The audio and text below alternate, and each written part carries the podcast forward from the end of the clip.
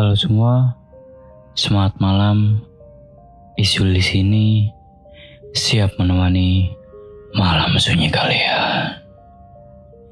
Jadi di episode kali ini aku akan melanjutkan kisah mengenai mbok tua dari kisah yang berjudul Saling Menghormati Jika Tak Ingin Ada Yang Mati. Sebelum kita masuk ke ceritanya, buat kalian yang baru pernah datang ke channel ini, Jangan lupa buat subscribe channel ini dan aktifkan lonceng notifikasinya agar kalian bisa menjadi pendengar pertama setiap kami mengupload video terbaru. Dan juga untuk kalian yang mendengarkan di Spotify, jangan lupa untuk memfollow akun Spotify kami. Oke, tanpa berlama-lama lagi, kita langsung masuk ke ceritanya dalam 3, 2, 1. Oh iya, untuk kalian yang belum nonton part satunya, maka kalian harus nonton part satu dulu agar bisa mengikuti alur ceritanya. Mas, sebenarnya sakitnya Simba itu bukan karena udah tua, tapi karena ada dua anak kecil yang mengikutinya dari dulu. Aku nggak tahu kenapa anak itu mengikuti dan kenapa mereka mengganggu Simba sampai sakit kayak gini. Penjelasan Pak Ferry membuat aku dan keluargaku kaget. Anak-anak, adekku maksudnya. Tiba-tiba ibu menjawab sembari mengeluarkan pernyataan tersebut. Adiknya Anda, Bu? Tanya Pak Ferry pada ibu. Iya, adekku. Adekku meninggal pas umur 10 tahun. Terus yang satunya lagi gara-gara keguguran. Apa itu yang ganggu Simpok selama tiga tahun ini? Tanya ibu. Oh iya bener mbak. Yang satu udah agak besar dan yang satu masih kecil. Yang sukanya narik kaki itu yang besar, terus yang kecil sukanya minta gendong ke mbok tua. Jawab Pak Ferry menurut penerawangannya. Mendengar perkataan itu, lantas ibu langsung menemui Pak Tua. Mungkin Pak Tua menyembunyikan sesuatu selama ini dan membuat mbok tua sakit hingga separah ini. Makhluk halus itu memang ada. Mereka tidak akan mengganggu kita selagi kita tidak mengusiknya. Lalu sesampainya di rumah Pak Tua, ibu langsung berkata, Pak, Yanti mau ngomong, kata ibu. Lalu Pak Tua menjawab, di teras aja, biarkan si Mbok tidur dulu. Mbok tua sakitnya bukan karena udah tua, Pak. Tapi karena diganggu adik-adik Jawab ibu. Widarti. Kata Pak Tua. Widarti karo Sarinah, Pak. Bisik ibu kepada Pak Tua. Lah kok bisa ganggu simbok? Sebabnya apa? Jawab Pak Tua dengan muka yang shock dan penasaran. Yanti nggak tahu, Pak. Mending sekarang beli bunga dan ke makamnya Widarti sama Sarinah. Ayolah, mumpung Simbo masih tidur. Jawab ibu. Lalu tak lama kemudian, Mbok Tua tiba-tiba memanggil Pak Tua. Mungkin untuk mengantarnya ke kamar mandi, karena sekarang untuk ke kamar mandi, Mbok Tua sudah memerlukan bantuan orang lain. Tapi, kali ini berbeda. Pak! Panggil Simbo dan saat itu juga terdengar suara benturan seperti benda jatuh. Sontak ibu dan Pak Tua lari dan mendapati Mbok Tua sudah tidak ada di kasur. Pak Tua mencari di dapur, tidak ada. Dan ibu menemukan mbok tua yang sudah terjatuh di tanah dengan jidat yang bocor. Darahnya banyak dan menggumpal. Ternyata mbok tua terpleset dan jidatnya terkena pojokan tembok sehingga mengakibatkan darah yang keluar banyak sekali. Saat dibawa ke rumah sakit, Mbok tua masih sadar dan masih bisa diajak komunikasi. Selesai diobati dengan 15 jahitan di jidat, Mbok tua langsung pingsan karena mungkin terlalu banyak mengeluarkan darah. Lagi-lagi terpleset. Alur yang sama ketika mereka mengganggu Mbok tua sebelumnya. Sebenarnya apa yang mereka inginkan? Nyawa dibalas nyawa. Kenapa Mbok tua? Akhirnya, Ibu dan Pak Parmin sepakat untuk gantian menjaga Mbok Tua. karena Pak Tua yang sudah capek mengerjakan pekerjaan rumah masih harus menjaga Mbok Tua. Anehnya, keluarga Pak Parmin seperti menghindar setiap kali diajak gantian untuk menjaga Simbok. Ya, mau tidak mau, akhirnya aku dan ibu yang gantian menjaga Mbok Tua. Ketika aku menjaga Mbok Tua, sering kali Mbok Tua melempar senyum padaku dan itu membuat aku menangis di dalam hati. Senang rasanya melihat Mbok Tua senyum. Tuhan, tolong angkat penyakit Mbok Tua. Terima kasih ya, Ndok, udah mau membantu Mbok Tua. Tiba-tiba Mbok Tua berkata seperti itu. Iya, Mbok, jawabku. Kalau diberi panjang umur, Mbok Tua ingin melihat kamu menjadi pegawai ya, Ndok, kata Mbok Tua.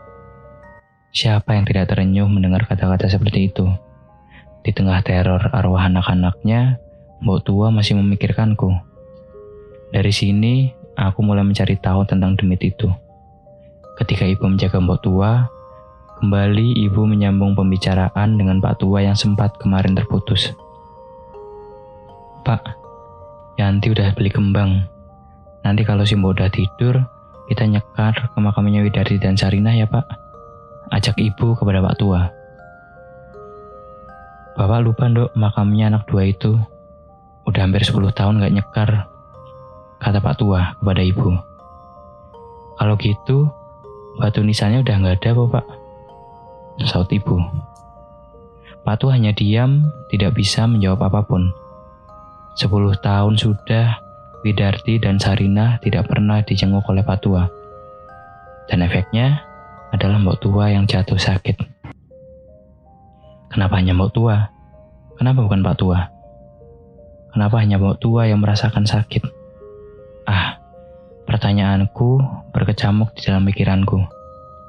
Ibu kembali mendatangkan Pak Ferry untuk memijat Mbok Tua. Setelah selesai memijat Mbok Tua, Pak Ferry menemukan jawaban yang selama ini kami cari.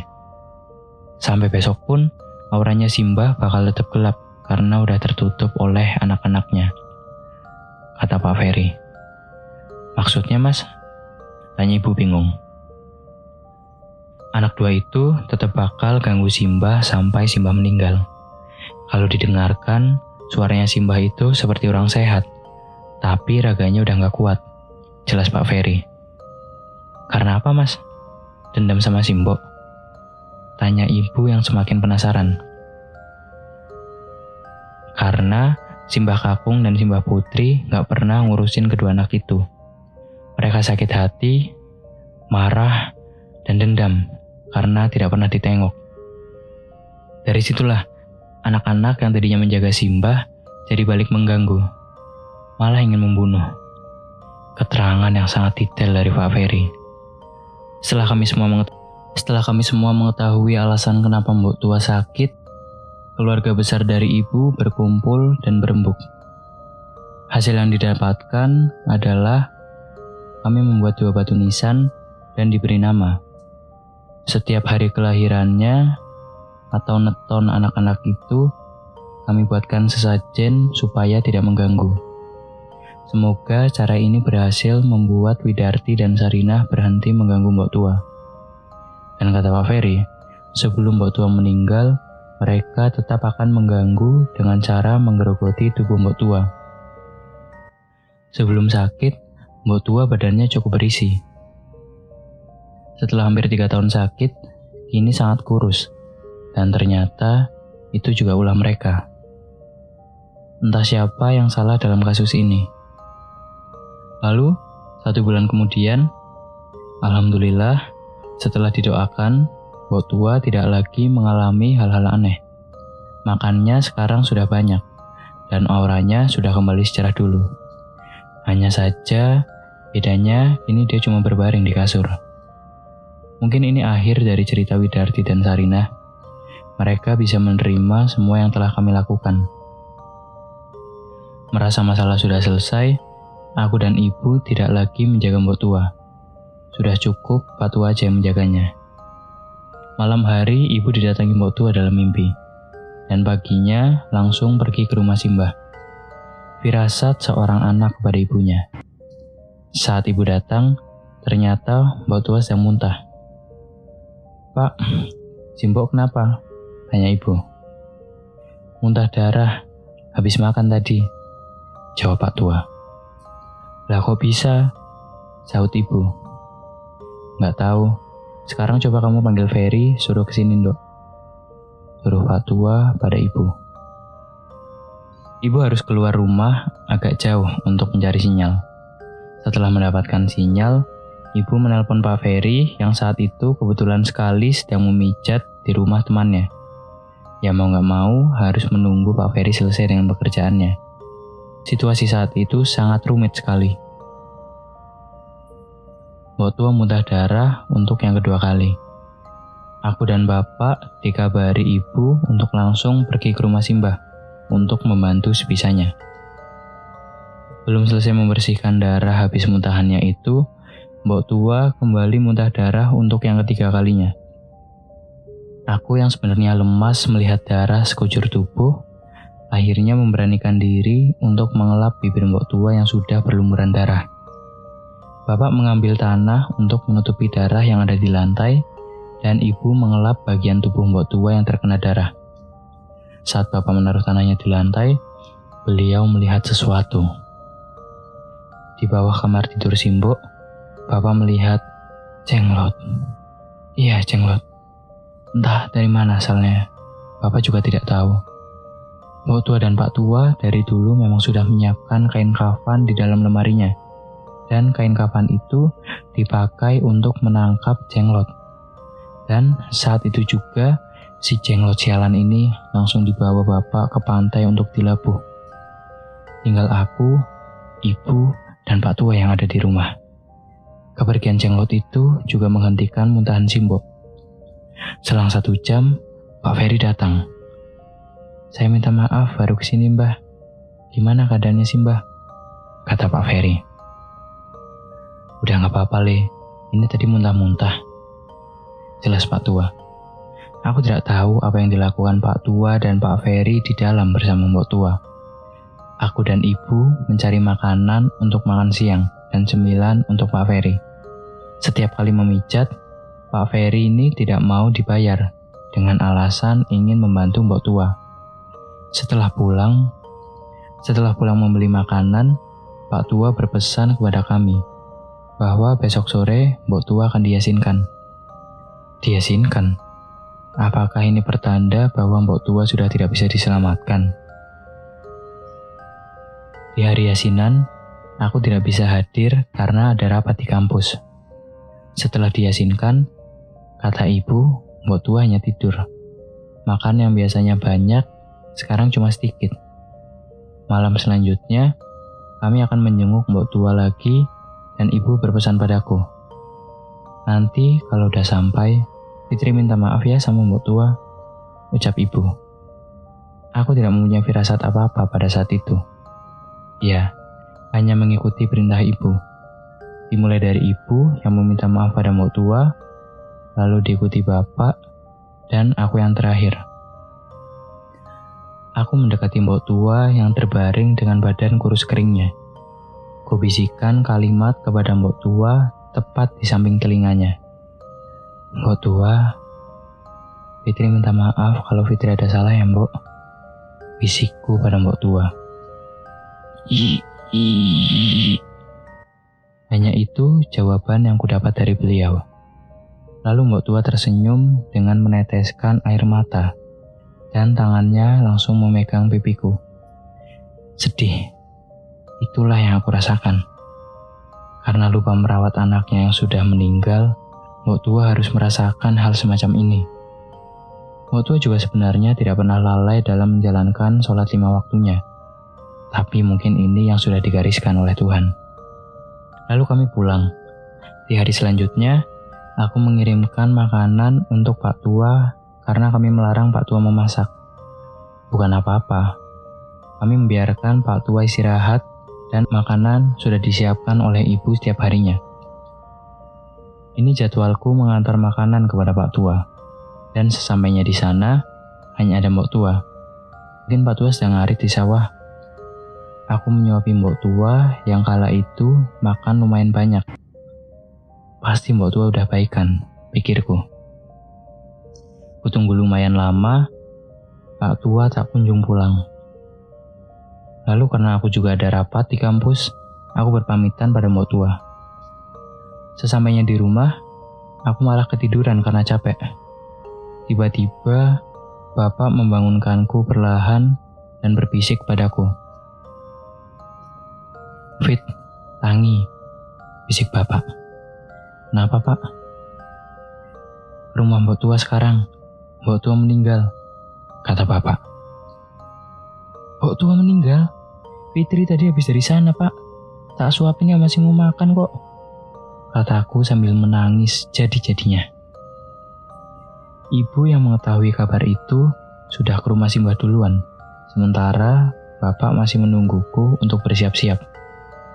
Bendera putih, tenda, dan banyak kursi persis berada di depan rumah simbahku. Hal yang paling kutakutkan akhirnya aku temui di kehidupanku. Ya, Mbok Tua meninggal dengan gangguan anaknya sendiri, mengganggu jiwanya dan menggerogoti raganya. Kami ikhlas Malamnya diadakan tahlilan dan berjalan selama tiga hari. Dan di situ pengakuan Pak Tua kepada kami. Dan di situlah Pak Tua mengaku kepada kami. Terakhir kali Ferry ke sini, Ferry menyuruh Bapak untuk memandikan Mbok Tua dengan pelepah pisang. Dan setelah dimandikan, terus disuruh untuk meyasinkan. Bapak tidak mau menyampaikan ini denganmu karena nanti takutnya kamu kepikiran. Ferry juga berbicara kalau setelah diyasinkan, kalau simbok sembuh ya sembuh, kalau meninggal ya semoga dilancarkan jalannya. Jelas Pak Tua. Kalian tahu kan, kalau orang meninggal itu dimandikan dengan alas pelepah pisang, dan Pak Tua memandikan Mbok Tua dengan alas itu. Mbok Tua udah disucikan sebelum meninggal. Terus Widarti dan Sarina sekarang gimana? Tanya ibu. Anak dua itu senang si mbokmu udah meninggal. Widarti dan Sarina tetap bakal ada di rumah ini sampai kapan pun. Yang membuat si mbok muntah darah juga kedua anak itu. Jenglot yang ditemukan memang udah lama ada di sana. Jadi bukan jenglot itu yang menyebabkan si mbok sakit. Tetapi anak-anak itu. Jelas Pak Tua. Dan sepeninggal mbok tua, Pak Tua hidup di rumah sendiri dan sempat jatuh seperti mbok tua dulu. Kami sekeluarga khawatir anak-anak nakal itu gantian mengganggu Pak Tua. Dengan bujukan, akhirnya Pak Tua ikut dengan kami. Setiap bulan sekali, Pak Tua di rumah membuat momong tiga dan membakar menyan untuk mengirim doa kepada Mbok Tua, Widarti, dan Sarinah. Dan jika ada kesempatan, Pak Tua pasti menyempatkan untuk nyekar di makam ketiganya. Pesan dari thread ini adalah, kalaupun sanak saudara kita ada yang meninggal, bukan berarti kita melupakannya. Bantulah mereka dengan doa, kalau tidak ingin kejadian ini menimpa kalian. Dan satu lagi, jangan pernah meremehkan janin yang meninggal dalam kandungan atau sengaja digugurkan. Itu akan membawa malapetaka untuk kalian. Jangan melakukan hal yang semestinya belum kalian lakukan jika tidak ingin menyesal di kemudian hari dan mati dalam keadaan yang tidak wajar. Saya undur diri, semoga thread ini bisa menjadi pembelajaran untuk kita bersama. Ya, itu adalah cerita yang aku bacakan dari thread Mbak Ayu Ningtyas PR. Bagi kalian yang memiliki cerita menarik seputar dunia mistis, bisa kirimkan kepada kami via DM Instagram ke @itsnjul atau via email ke heyitsjul@gmail.com. Sekali lagi, aku mengingatkan buat kalian yang mendengarkan video ini di YouTube, jangan lupa buat like, comment, dan subscribe channel ini. Serta untuk kalian yang mendengarkan di Spotify, jangan lupa buat follow akun Spotify kami. Terima kasih untuk kalian yang mendengarkan dari awal hingga akhir. Sekian episode kali ini, dan semangat malam.